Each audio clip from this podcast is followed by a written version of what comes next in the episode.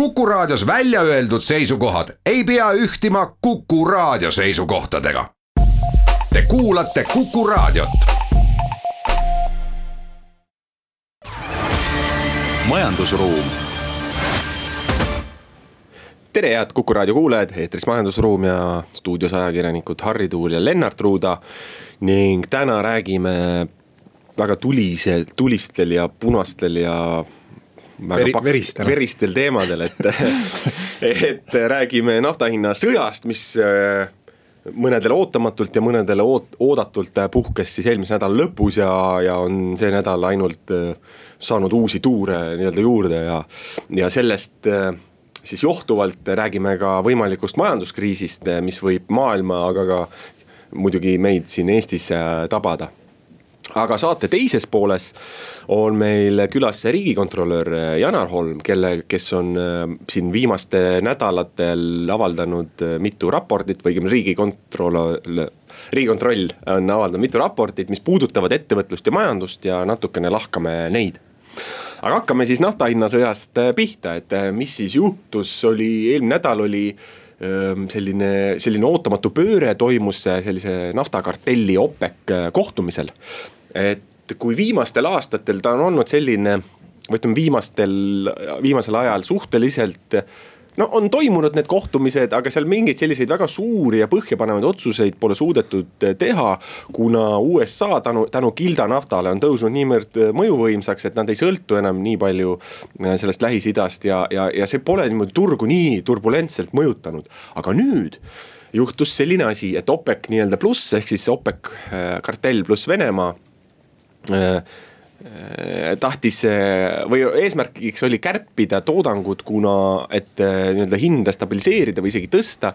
toodang oli aga, aga nimelt naftanõudlus oli siin vahepeal koroonaviiruse tõttu tugevalt langenud. aga Venemaa ütles ootamatult ei Äh, jah, just nimelt ja, ja siis äh, selle peale äh, noh, saudid nagu pettusid, eks ju, otsustasid kraanid lahti keerata, ujutasid odava naftaga kõik maailmaturud üle ja praktiliselt, eks ju. tuleme esmaspäeva hommikul tööle, nafta hind siin kolmandiku võrra kukkunud kolmekümne dollari pealt barrelist, eks ju. ja, ja isegi reedel veel kukkus juba kümme protsenti ainult Venemaa sammu peale ja nädalavahetusel saudid läksid jah, nagu kuidagi solvusid selle, kas nad solvusid, aga noh, nende, nende otsustasid vastusammu teha ja, ja selle peale kukkus esmaspäeval veel üle kolmekümne protsendi. no see lükkas jah, sellise ahela käima, et tulid börsid kaasa, noh Euroopas, mujal maailmas, Eestis. Noh, nafta hind küll taastus päeva peale natukene ja, aga no ma arvan, paljudel majandusajakirjanikel ja üldse inimestel käis peast läbi, ma ei tea. uue majanduskriisi selline nagu algus, et kas see võis olla nüüd see päästik, kas see võis olla kahe tuhande kaheksanda aasta viieteistkümnenda septembri Lehman Brothersi noh kokkukukkumine, kollaps, eks ju. mis, mida siis peetakse selliseks märgiliseks sündmuseks, mis eelmise globaalse kriisi nagu valla päästis, et. Jah, noh, nüüd on paari päeva mööda läinud, on ju, äh, natukene on siin taastunud äh, turud äh, eile-täna samas saudid on teada andnud, et aprillist jätkavad seda odava nafta pumpamist ja, ja ujutamist isegi Äh, rekordilised äh, tootmismahud äh, üle kolmeteist miljoni barreli päevas vist, mida mida on välja lubatud käia, et eks ole näha. Ja noh, nüüd on, see on kuidagi tekitanud sellise avalikkuses või inimestes mõtte, et selle koroona kohta, et mida see võib nagu teha kuidagi on see nagu jõudnud inimeste teadvusse, et ko ko koroona, mis selle põhimõtteliselt viirus, mis selle alla päästis, selle naftasõja sellel on ka nüüd väga suured ja ikka laiad mõjud majandusele põhimõtteliselt. Eh, seal ongi väga huvitav, et eh, ütleme minu hinnangul on see koroonahaiguse haiguse mõju ja siis koroonaga kaasnevate erinevate nähtuste mõju, et see viimastel nädalatel on toimunud nihe, kus need kaasnevad eh, mõjud on juba hakanud, kas on juba suurem, kas on juba sama suured või veel suuremad kui selle haigu-, kitsalt haiguse mõjud. ja see no need ei nafta, ole ju praegu veel märkimisväärsed jah. täpselt, haigust ise just... ei olegi nagu mõjunud, vaid aga see kõrvalmõjud, sest kuidas see naftakriis natukene kuulajatele räägin natuke tausta ka, et see on täitsa huvitav lugu. et see koroonaviirus viis nii-öelda nafta äh, nõudluse vähemaks aga see ja siis tekkiski võimalus, et OPEC pidi arutama seda küsimust, et mis nüüd edasi teha. aga venelastel tekkis idee, aga keeraks ameeriklastele äh, käru põhimõtteliselt. kuna nafta tootmine kildast, noh kilda nafta tootmine on kallim kui noh muud moodi tootmine, siis venelased tahtsid ajutiselt nii-öelda hinna nii alla viia, et äh, USA-l oleks, USA need kildanahta tootjad satuks raskustesse ja see sisuliselt ka saavutati. et Venemaal on selles mõttes küll noh, on mingid reservid tekkinud siin aastate jooksul ja nad saaksid siin hinnanguliselt ikkagi mõned aastad äh, ka alla neljakümne euro või see tähendab dollarise hinnaga hakkama. kuus aastat ütles Venemaa rahandusminister aga..., see võis olla ka praegu, me ei tea seda, eks ju, mis ta. jah, noh, ütleme jah, ma arvan, et ma pakuks, et võib-olla mõne, paar, kolm et rohkem, siis hakkaks asi käest minema, et rohkem küll mitte. nii, aga saudid ka, aga, aga saudid on ka huvitatud pigem kõrgemast hinnast. küll aga saudid on ka, eks ole, selline, eks ole, autoritaarne riik, et, et nemad saavad nagu noh, kah samamoodi nagu Venemaale ka haiget teha. ja seal ongi nagu põhimõtteliselt see mäng ei ole enam koroonaviiruse mäng, vaid see on mingi poliitiliste selliste mm, jõuõlgade mäng, et kes Venemaa USA vastu Äh, saudid Venemaa vastu ja, ja noh, USA need just, kui me vaatame USA turge, siis väga suuri kaotusi on just saanud mitte need suured naftatootjad, kes on nii-öelda tava, tava, tavatootjad, vaid just need kildanaftatootjad, kelle aktsiad seal kukkusid viiskümmend protsenti ja, ja veel rohkemgi, et. et ongi huvitav, et kui kaua see olukord kestab ja mis tagajärgi see toob, sest et noh, et ütleme siuksed pankrotilaine, eks ole, mingis ühes tööstuses USA-s, et ta kindlasti toob kaasa veel mingisugused kõrval noh, kõrval harudes mingi laine.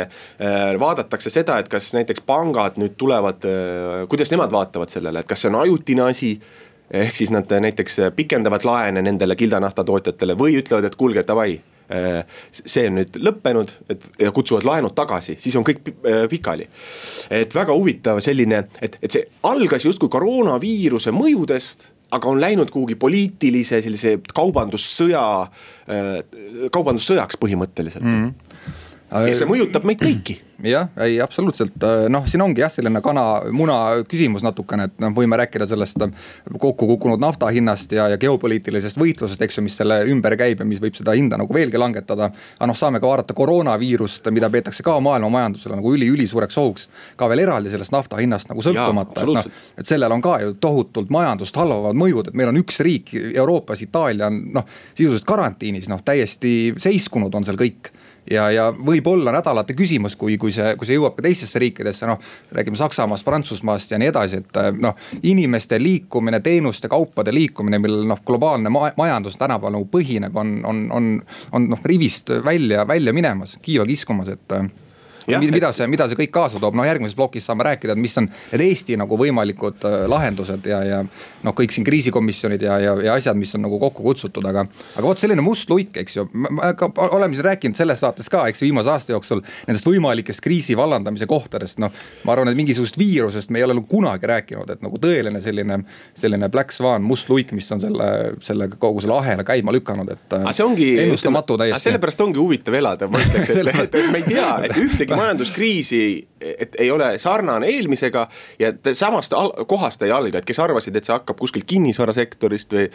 või kuskilt mingist pangandussektorist, et need noh, see oli selge, et sealt ei alga, et see algab kusagilt mujalt. aga siin jah, et, et mis see põhiprobleem on, et kui me alguses, esimene tunne oli, ahah, Hiinast ei tule pakid kohale, miks ei tule, inimesed ja mitte sellepärast, et neid pakid, pakke ei ole või, või, või ma ei tea, vaid lihtsalt in, need, kes pakiks neid kokku. Need inimesed on karantiinis ja nad ei tule tööle, nii mm. ja täna on see mitte Hiinas kuskil kaugel äh, Hiinamaal, eks ole, vaid siinsamas äh,, siin Itaalias, kus tuhanded eestlased käisid just samas suusatamas, eks. et on täpselt sama asi, on inimesed ei saa liikuda reisimine on sisuliselt halvatud, lennundus on noh. vot see on, see on huvitav, tavaliselt kui nafta hind kukub, siis noh lennufirmad yeah, rõõmustavad, et nemad saavad just. odavat seda kõige olulisemat sisendit, ehk siis äh, kütust. aga samas nüüd on nagu mõlemat pidi halvasti, et noh, eks ju üks oluline sisendkulu on küll all, kütus on odav, aga samas inimesed ei lenda. noh, selle viirusepaanika pärast, et noh no täpselt selline, et kuskilt otsast on nagu, mõlemast otsast on jama, maja põleb, eks ju, jama on majas aga teeme nüüd väikese pausi ja räägime siis, kuidas see nii-öelda Eestis väljendub. majandusruum jätkame stuudios äh, ajakirjanikud Harri Tuul ja Lennart Ruuda, rääkisime nafta hinna sõjast, kaubandussõjast, koroonaviirusest, räägime nüüd natukene. Räägime nüüd edasi sellest, et mis mõjud on Eestile ja kas äh, tõesti äh, rühib meie poole, nagu ütles rahandusminister Martin Helme eile, siis majanduskriis. See on tõesti tähelepanuväärne intervjuu, ma soovitan seda kõigil vaadata, et seal rahandusminister Martin Helme Esimeses stuudios siis käib jutt eile õhtu saade, et seal ütles, ütles, ütles välja jah, et Eesti on juba sisenenud noh majanduskriisi, et andis sellise avapaugu justkui nagu uuele reaalsusele, et äh, noh, ta on rahandusminister, eks ju, tal on võib-olla mingid oma, oma andmed, ta on jälginud seda viimaste aja maksulaekumist, rääkinud nagu tähtsate inimestega, ju tal on siis veel mingisugune oluline sisend, mis lubas tal seda, seda nii tähele, nii kaalukat väidet otse-eetris välja käia. ja noh, siis ülejäänud aja ta pakkus välja neid võimalikke lahendusi, mida kuidas nad valmistuvad, äh, kuidas riik valmistub äh, majanduskriisiks, äh, mis on, mis on võimalikud meetmed, kuidas, kuidas aidata ettevõtjaid ja inimesi, see noh, need nendest mõjudest saame nüüd noh edaspidi rääkida jah, aga selline küllaltki tähelepanuväärne nagu avapauk andis, anti, et. võib-olla see läheb ka ajalukku nagu mingi Ansip ütles kunagi, et kui on sellises kriisis ja krahhis me nagu tahaks elada ja. et sellised legendaarsed laused, et see võib olla üks selline, selline saade küll. jah, et selles mõttes on noh, ma arvan, et see on kokkuvõttes pigem noh, sellesse võibki suhtuda nii ja naa, ühes, ühest keegi võiks öelda, et see on nagu pa-, mõnes mõttes nagu paanika külvamine. aga mina arvan, et see on pigem nagu au, ausalt üles tunnistamine, et kui Andrus Ansip ütles siin kaksteist aastat tagasi, kolmteist, kaksteist aastat tagasi, et jah, et see on selline. et vaadates statistilisi numbreid, eks. et see on see kriis, kus ma tahaksin elada, kui see on kriis, siis selles siis kriisis ma tahaksin elada. siis täna öeldakse välja, et jah, et meil ongi kriis. kuigi numbrid seda ei näita, et meil alles tulid, eks ole, palganumbrid väga head, kõik kasvab, tulid äh, majanduse kasvunumbrid, kõik kasvab, aga kui me vaatame turul ringi on juba kukkumised on viiskümmend protsenti, näiteks turismisektor, Estravel äh, on öelnud, et neil on tellimused ära kukkunud täiesti, enam keegi ei lenda. vaatame, mis siin Finnairiga toimub, Air Balticuga, lennud on, nagu me rääkisime ka natukene, on ära kukkunud, aga ja selliseid näiteid, hotellid on ilmselt äh, hakkavad vaikselt siin tühjenema, et noh, need on need esimesed sektorid, mis saavad kohe pihta. aga teine näide ähm, selle naftasõja mõjul, eks ole, meie enda põlev, põlev kiviõlitööstus. Äh, õnneks, äh, eks ole, on äh, endistest kriisidest seda õpitud, et on nii-öelda pikaajalised lepingud, need on kindla hinnaga müügilepingud, et. et see selline turu volatiilsus või selline liikuvus neid eriti ei mõjuta, aga kui see on piisavalt pikk selline madal hind, ega siis tuleb need lepingud saavad ju otsa ja tuleb neid lepinguid üle vaadata ja põhimõtteliselt sellise kahekümne, kolmekümne eurose hinnaga Eesti õlitööstus tuleb lihtsalt kinni panna ja pikaajaliselt on väga-väga äh, raske, et seda Ahti Asmann on öelnud, et kolmekümne, kolmekümne viie eurose hinna, noh dollarise hinnaga on ikka väga keeruline. VKG juht no,. VKG juht, üks Eesti era, erakätes olev suurim põlevkiviõlitootja, no ja rääkimata sellise hinna juures nagu suurte investeeringute tegemisest, et võime sellest hiljem, hiljem rääkida, et on ju plaanis põlevkiviõli rafineerimistehas, no hiiglaslik äh, kuuesaja miljoni eurone projekt, äh, mis tuleb nüüd uuesti lauale, kas, kas me vajame, kas me, kas me, kas me üldse oleme nõus maksumaksja raha nagu nii riskantsesse noh projekti panema, mis, mis on sedavõrd sõltuv nagu välis, välisoludest ja niimoodi.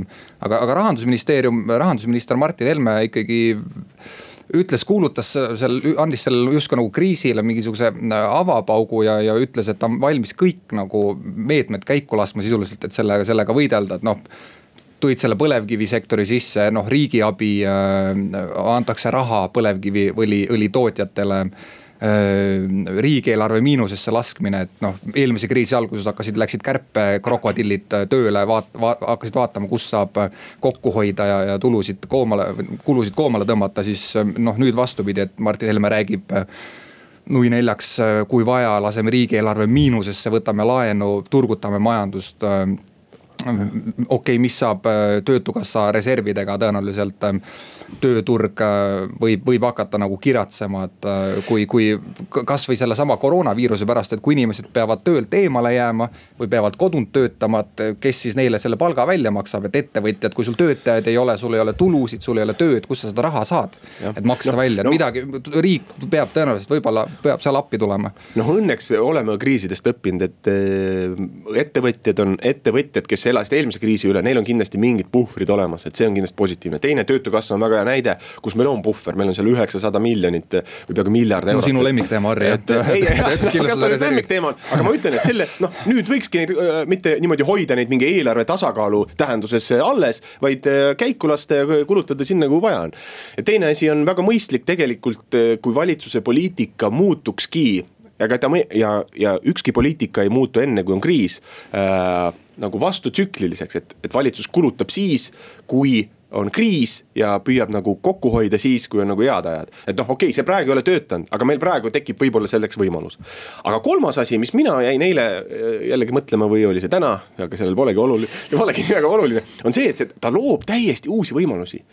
et näiteks täna või ütleme, kui see noh, ütleme majanduskriis tuleb ja inimestel tõesti äh, töökohti ja tööd oleks vaja, siis näiteks Rail Balticu projekt, mis on kiratsenud siis see võib sundida lihtsalt, et see majanduslangus võib sundida äh, neid kolme Balti riiki hakkama, hakata, hakkama koos töötama ja lõpuks selle ära tegema, sest see on niivõrd suur investeering, mis äh, tõmbaks majanduse jälle sellest nii-öelda august välja. noh, see on väga konkreetne näide, kuidas eestlaste, lätlaste, leedulaste elu nüüd paremaks teha. ja kolma ja üks puhver, mis meil veel on, mis on jällegi positiivne, meil on võõrtööliste, ajutiste võõrtööliste puhver mõnes mõttes, et kui see ehitus nüüd näiteks mingi hetkel hakkab ära kukkuma. noh, siis see, need lühiajalisi võib-olla töölisi enam ei pikendata ja nad noh, mitte kuigi seal võib vaielda, et kes nüüd tööta jäävad, et kas kohalikud või, Abs absoluutselt jah, et mida tavaliselt majanduskriis äh, surutis kaasa toob, on äh, töö, tööpuudus, eks ju. noh, meie, me ei ole siin praegu sellega viimastel aastatel enam niivõrd väga harjunud olnud, et äh, pigem on äh, noh, töö, tööjõupuudus, et pole inimesi, kes töö ära teeks. aga, aga kui on, kui on selline tööpuudus, siis äh, saabki äh, algatada suuri riiklikke projekte, eks ju, nagu Rail Baltic, äh, teedeehitus neljarealiseks. on ju kritiseeritud, et miks peaks eestlased seal raudteetammi otsas istuma ja Rail Balticut ehitama, kui võiks teha nutikaid lahendusi. IT-d, tarkvara, muid nagu tarku teenuseid, eks ju, et miks me peame kulutama oma, oma sellist head kallist tööjõudu nii nüri töö peale aga noh, kui see jama nagu kätte jõuab, et siis, siis saab seda teha, eks ju, et seal on vähemalt üks selline leevendusmeede või töökohad äh, justkui nagu võiksid sealt, sealt tagasi tulla ja. ja noh, seda Martin Helme, rahandusminister on nagu iga oma sellise sõna ja, ja nagu keharakuga nagu märk, märku andnud, et seda et äh, ei, ei jääda istuma nagu käed rüppes ja et see võiks kuidagi nagu mobiliseerida riiki nagu sekkuma majandusse. noh, iseasi jah, et äh, kuidas see kõik välja kukub lõpuks? noh, praegu on nii-öelda see probleemiks on see, et äh, see määramatust on väga palju, et no, isegi, et, et võib-olla kõige esimene asi, mis võtaks mingid pinged maha, et kui selle haiguse, koroonaviiruse. ma ei tea, kas, kas me teaksime, kuidas ta mõjub või kuidas ta levib, et meil on ikkagi selle kohta veel liiga vähe infot. või leiaksime vaktsiini või saaksime selle kuidagi piduri alla, eks ole, pidurdatud, et siis siis saaks hakata nagu nende majandusprobleemidega tegelema. et, et aga noh. ja samas... siis võib tulla nagu järsk tõus jällegi üles, et, et ja, see ei jää selliseks pikaks vinduvaks aastatepikkuseks kriisiks, vaid on, tuleb mingisugune järsk hüpe ülespoole. jah, et nagu... ma arvangi, et sellist, ütleme majandussurutist, nagu meil siin oli kaks tuhat kaheksa, vast ei tule, loodame. nii, aga nüüd teeme väikse pausi. majandusruum jätkame saatega, stuudios ajakirjanikud Harri Tuul ja Lennart Ruuda ning meil on külla tulnud riigikontrolör Janar Holm. et noh, meil on siin eh, lauale mitu raportit piltlikult öeldes, eh, mis on nagu majanduse ja ettevõtlusega seotud. aga ma küsiks alustuseks, ma arvan, et nii mõnigi kuulaja tahaks eh, samamoodi teada, et kuidas need teemad teile lauale üldse tekivad, et kas keegi esitab avalduse. või teil on nii-öelda noh, piltlikult öeldes mingi ohuhinnang, et näiteks seda valdkonda võiks nüüd vaatluse alla võtta tere, äh, peamine, peamine on see, et me oleme sõltumatud, me ise valime neid teemasid, mida, mida me vaatame, tõesti hindame riske, vaatame teemasid, mida ei ole ammu vaadatud. Äh, ei, ei topi nina sinna, kuhu juba teised on oma nina toppinud, et, et katta võimalikult palju valdkondi, nii et, et need oleme me ise. jah, aeg-ajalt tullakse meile ettepanekuga, et näed, on lähteülesanne, on raha ja tehke, siis me suuname tavaliselt kas ülikooli või praksisesse, et kui, kui juba plaan nii paigas on, et me oleme selles mõttes ikkagi vabad valima teemasid ja, ja, ja keegi siin sekkuda ei saa meie valikutesse. Kas teie lauale on jõudnud juba ka kõige sellised äh, aktuaalsemad ja põletavamad teemad praegu, et äh, noh, siin räägitakse koroonaviirusest ja kuidas ametkonnad, inimesed selleks valmis on, et kas seal on ka midagi susisemas või, või olete, olete nagu no, uurite midagi? üks asi on see, mis meil on äh, tööplaanis, et seda, see on internetist kättesaadav ja seal on hulk asju, mis meil on ette nähtud, aga loomulikult me vaatame seda, mis ka igapäevaselt toimub.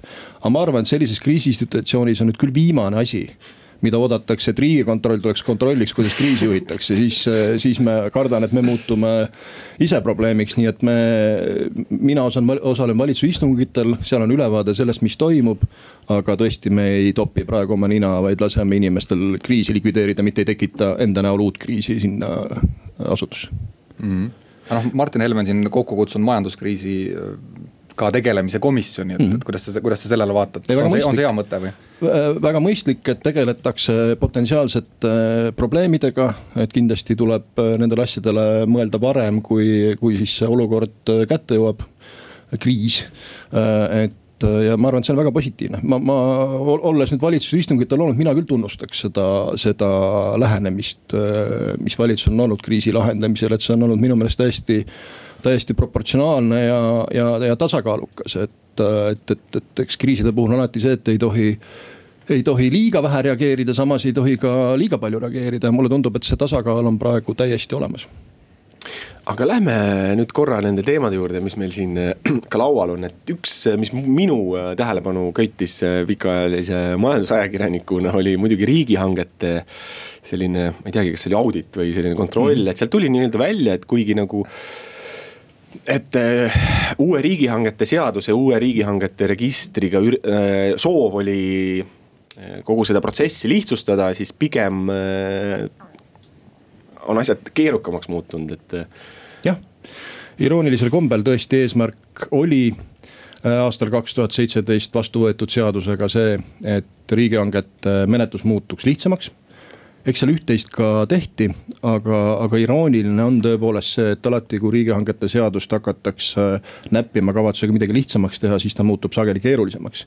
Nii et juba praegu tegeletakse sellega, et äsja jõustunud seadust uuesti lihtsamaks muuta, mis on ajalugu vaadates omaette ohumärk, et, et võib jälle midagi, midagi teistpidi äh, keerulisemaks minna, aga see on tõsine probleem selles mõttes, et, et äh, rahandusministeerium on ise asunud seisukohale et see ongi valdkond, kus äh, tuleks professionaliseeruda Mm -hmm. aga, ja, ja kindlasti kõik ametnikud ja, ja hangete läbiviijad erinevates asutustes, ka riigi äriühingutes peavad olema professionaalid. aga mõtteviis peaks olema ikkagi see, et, et kõik võiks olla võimalikult lihtne. kui me kujutame ette, mida me täna kodus saame arvuti taga teha, noored äh, programmeerida, ma ei tea, osta lennukipileteid, projekteerida ja, ja kõik on tehtud võimalikuks, millegipärast on valdkondi, kus kus seda, et miski muutub keerulisemaks, ei peeta probleemiks. ma arvan, et, et, et see on probleem ja sellega tuleb tegeleda, sest see on nii-öelda see bürokraatia kasvulava.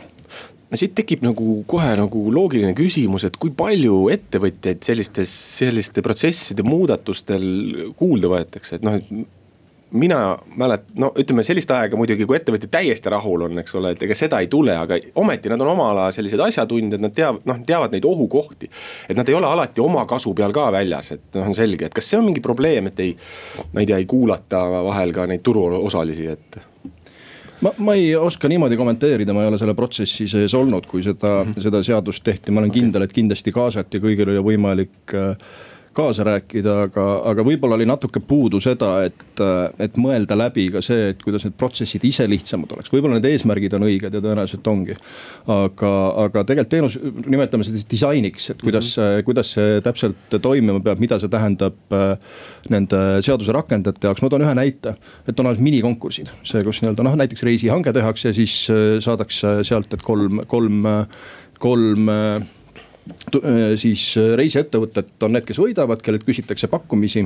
et siis äh, lugesin eelmisel sügisel Tartu Ülikooli hankejuhi kirjeldus selle kohta, kuidas, kui varem oli, tuli saata nendele kolmele üks e-kiri.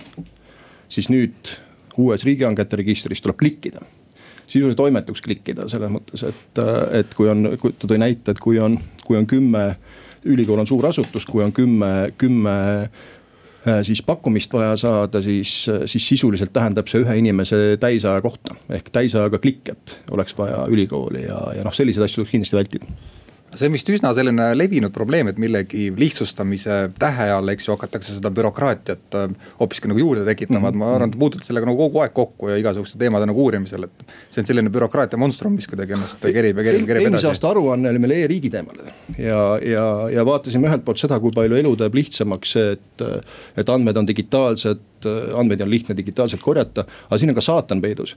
et kui seal on ka võimalust äh, Äh, lollust kordades rohkem teha. panna üks klikk veel juurde siis panna teine, kui juba minnakse, tundub ju lihtne, mis see mõni klikk on, aga kogumis on seda, on seda väga palju. nii et, et mõnes mõttes selline digitaliseerimine võimaldab ka paljundada mõttetut tegevust. meil oli noh, väga, väga palju näiteid, kus küsitakse informatsiooni, mida tegelikult äh, vaja ei ole, et et, et, et noh, see on, see, see, see on risk tegelikult ka digitaliseerimise puhul, et, et, et pingutatakse üle. no see hangete asi, et miks ma selle kindlasti sisse, sisse tõin, on ka see, et võib-olla kuulajad tihti ei saa aru, et aga te, see võib mõjutada neid kõiki selles mõttes, et kõik ju ma ei tea, avalikku teenuseid põhimõtteliselt pakutakse läbi erinevate riigihangete, et see või, võib jääda seisma mingis, ma ei tea, tee, ma ei tea, mingid tee-ehitused või mingid projektid võivad lihtsalt seisma või jääda. kallimaks näiteks. või minna kallimaks või nii edasi, et, et kas mingeid selliseid näiteid ei, juhuslikult ei ole tuua? ei no kindlasti on võib-olla objektiti kohe mitte, aga kindlasti on ju neid juhtumeid, teile meelde kohe. on juhtumeid, kus väikese vea, ei no miks mitte, siin oli ju Rail Balticuga seonduvalt siinsamas äh, teie läheduses Ülemiste terminal, kus jäi üks äh, klikk tegema teadmata, tegemist ja. on rahvusvahelise hankega ja kõik kukkus, kukkus kokku ja tuli otsast alustada, kaotati nii aega kui, kui raha. ja, ja, ja noh, selliseid, selliseid, selliseid kohti on palju jah, selles mõttes, kus, kus see, et asjad oleks lihtsalt ja selgelt arusaadavad, võivad tähendada raha ja aega ja, ja teenuse puudumist olete viimasel ajal tähelepanu juhtinud ka sellele, et äh, noh, riigil, ministeeriumitel täpsemalt puudub ülevaade nendest investeeringutest, mis nende haldusalas tehakse. no kuidas selline asi üldse võimalik on, et ei, kõik peaks olema ju Exceli tabelis kirjas, et mida, mida me ehitame ja kuhu ja mis summade eest, aga siis nüüd korraga on kõik segamini nagu puder ja kapsad või? ja tõsi on, et vaatasime, vaatasime suurinvesteeringuid, et tahtsime näha, mis, mis no, on selles valdkonnas toimunud just nimelt. ja, ja, ja kõige suurem ehmatus oligi see, et et äh, ma ei nimetaks kindlasti mitte kõik riigiasutused, selles mõttes ei, ei saa seda öelda, aga väga paljude riigiasutuste puhul takerdusime sinna kus me ei saanud kuidagi teada lihtsalt seda, et millis-, mida maksid juba tehtud investeeringud. no ma kujutan ette, kui te küsi-, kui ma mhm. küsiks teilt, kui te olete korteri ostnud, et mõni aasta tagasi, te mäletate, mis see maksis. ja, ja noh, suur investeering, ma arvan, et siin me, siin me ei aja ka ju pindu pooleks. kui me peame täiesti normaalseks seda, et suurinvesteeringute puhul on olemas kuskil mingi selge informatsioon selle kohta, palju ta maksis. see on esimene tunnus selle kohta, et raha on äh, kontrolli all. aga kui juhtub see, et kuu aega ajad taga, kaks kuud ajad taga, palju ta maksis, siis saad sõimata riigikontrolli vaates siis selle eest, et. et mis andmed on, mida te kasutate, tuleb välja, et need on samad andmed, mida keegi teine samast asutust oli varem esitanud, nii et. et selles mõttes see, see ei ole hea, et, et ülevaadet investeeringutest on vaja ja, ja enne meid on sellele tähelepanu juhtinud ka rahvusvaheline valuutafond, et, et sellist, sellist süsteemi oleks vaja, kus ka rahandusministeerium näeks mis, mis tegelikult toimub. aga ma kordan igaks juhuks, et tegemist, me rääkisime, et kõik riigiasutused ei ole, et siin on mm -hmm. minu arust kaitseministeerium on suurepärane näide, kus omatakse väga head ülevaadet sellest. kuhu investeeringud lähevad riigi äriühingutes Äh, ülikoolides, haiglates ja mõned ministeeriumid veel, aga noh, lihtsalt äh, ütleme tilk tõrva meepotis alati. aga tooge siis need näited välja, et kes need noh, tõid, ütlesite, et äh, kaks, kaks kuud ajasite taga, eks ju, et palju mingisugune investeering maksma läks, küsisite konkreetse minis-, ministeeriumi või, või asutuse käest, et kes need siis need patustajad olid seal ja mis objektidega, mis investeeringutega? no ja kas saite lõpuks teada selle summa siis ikkagi, kui seda pärisite kaks kuud no.? ja ei, loomulikult saime, saime lõpuks teada, et palju aitas ka Riigi Kinnisvara Aktsiaselts, et noh, siin on, siin on paljud asjad tingitud sellest, et näiteks justiitsministeerium on delegeerinud oma osad funktsioonid rahandusministeeriumile äh,. selle, selle nii-öelda isiku, kes ülevaadet omab investeeringutest ja seal nii-öelda selle delegeerimise käigus kaob osa informatsiooni ära ja noh, neid, neid, neid on. Neid on veel ja veel, noh Tallinna vangla puhul näiteks tekkis kahe asutuse vahel segadus, kas üldse on valmis et noh, valmis ei tähenda mitte seda, et kas seinad on püsti ja katus, vaid lihtsalt formaalses mõttes, kas see on vastu võetud või mitte. aga no see on, see on ju Tallinna vangla on nii silmatorkav äh, ehitis, et, et seda, seda võiks ju teada tegelikult, et kas ta on valmis või ei ole. ma ütlen, väikesed märgid annavad tegelikult sageli märku suurtest äh, probleemidest, et küsimus on selles, kas raha loetakse või raha ei loeta ja, ja riigist tuleb raha lugeda. aga suurte investeeringute arv, mis see summa, kas oli mingi piir ka, mida te mõtlesite või et noh, vangla oli vist üks suurim, üks suurimaid ehitusobjekte selle. kõige suurem on Rail Baltic, et oh, loomulikult ja siis olid äh, noh, neid, neid objekte objekte oli palju, me küsisime kõigilt ministeeriumitelt viis suuremat viimase viie aasta jooksul, nii et, et see sõltus sõltus siis äh, selle ministeeriumi, konkreetses ministeeriumis, mis mahuga investeeringuid seal tehtud oli, vaatasime nii ehitisi, rajatisi vaatasime teedeehitust, äh, ka, äh, ka nii et energiainvesteeringud ja kõik muu selline. teeme nüüd väikese pausi. majandusruum jätkame saatega, stuudios ajakirjanikud Harri Tuul ja Lennart Ruuda ja meil on külas riigikontrolör Janar Holm. no kui te lähete nüüd sinna ametnikelt neid küsima, neid andmeid ja mingit nii-öelda aru pärima, et kuidas teid vastu võetakse, et kas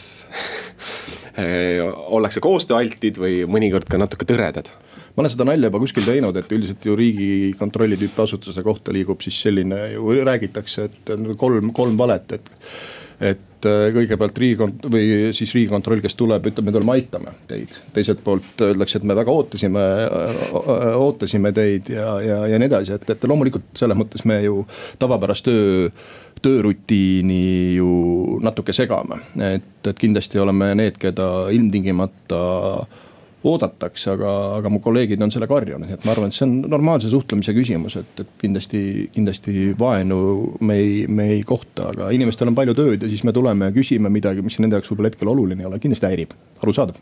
aga kuidas teie tunnetus selle koha pealt on, et kas teie ettepanekuid ja, ja neid kriitikanoole võetakse ka arvesse või, või need langevad kurtidele kõrvadele, et üks asi on jah, et lähed sinna asutusse võib-olla seda tööd ajutiselt segama mm.. aga kui see on raport valmis, on tulemused käes, on ettepanekud, et kas siis seda kasutatakse oma töös, riigiasutused kasutavad seda. kuidas, kuidas teile tundub? no on statistikat tehtud, et, et üsna palju, üsna palju tegelikult kasutatakse, et loomulikult ega me ei ole ka viimane tõeinstants on ju, et me teame täpselt, kuidas asju teha tuleb, et selles mõttes on ka alati meie soovitusi, mille puhul on mõtet ju debateerida on alternatiive, aga kui me lihtsalt probleemi näeme, siis me pakume, pakume välja võimalusi, kuidas, kuidas probleemi lahendada saaks ja, ja jälgime ka seda pikaajalises vaates, et kas probleemi lahendamisega tegeletakse, nii et ei, ma arvan, et selline täiesti mõistlik, mõistlik tagasiside ka nende ettepanekute arvestamise mõttes on olemas, jah, ma möönan, tuleb aeg-ajalt meelde tuletada tooge üks näide võib-olla probleem, millele olete tähelepanu juhtinud, mis on ära lahendatud. ja üks probleem, millele te olete pikalt äh, tähelepanu juhtinud, aga mis ikka vindub ja, ja mis, mis teid närvi ajab, et miks seda lõpuks ära ei lahendata mm. -hmm. on selliseid näiteid tuua? oh, tähendab selliseid asju, mida, mida, mida ei tehta, mida ei lahendata, et vot meil on ju väga palju selliseid äh, auditeid, kus me käsitleme inimeste päriselu probleeme, mis puudutab tervishoidu näiteks või. või mis puudutab äh, sotsiaalhoolekandesüsteeme ja nii edasi, mis on hästi ressursimahukad, nii et nende, nende puhul, kus tegelikult see nii-öelda tuleb ka poliitilise otsuse tasand sisse, kus tuleb otsustada, mis järjekorras asju tehakse, et nii et noh.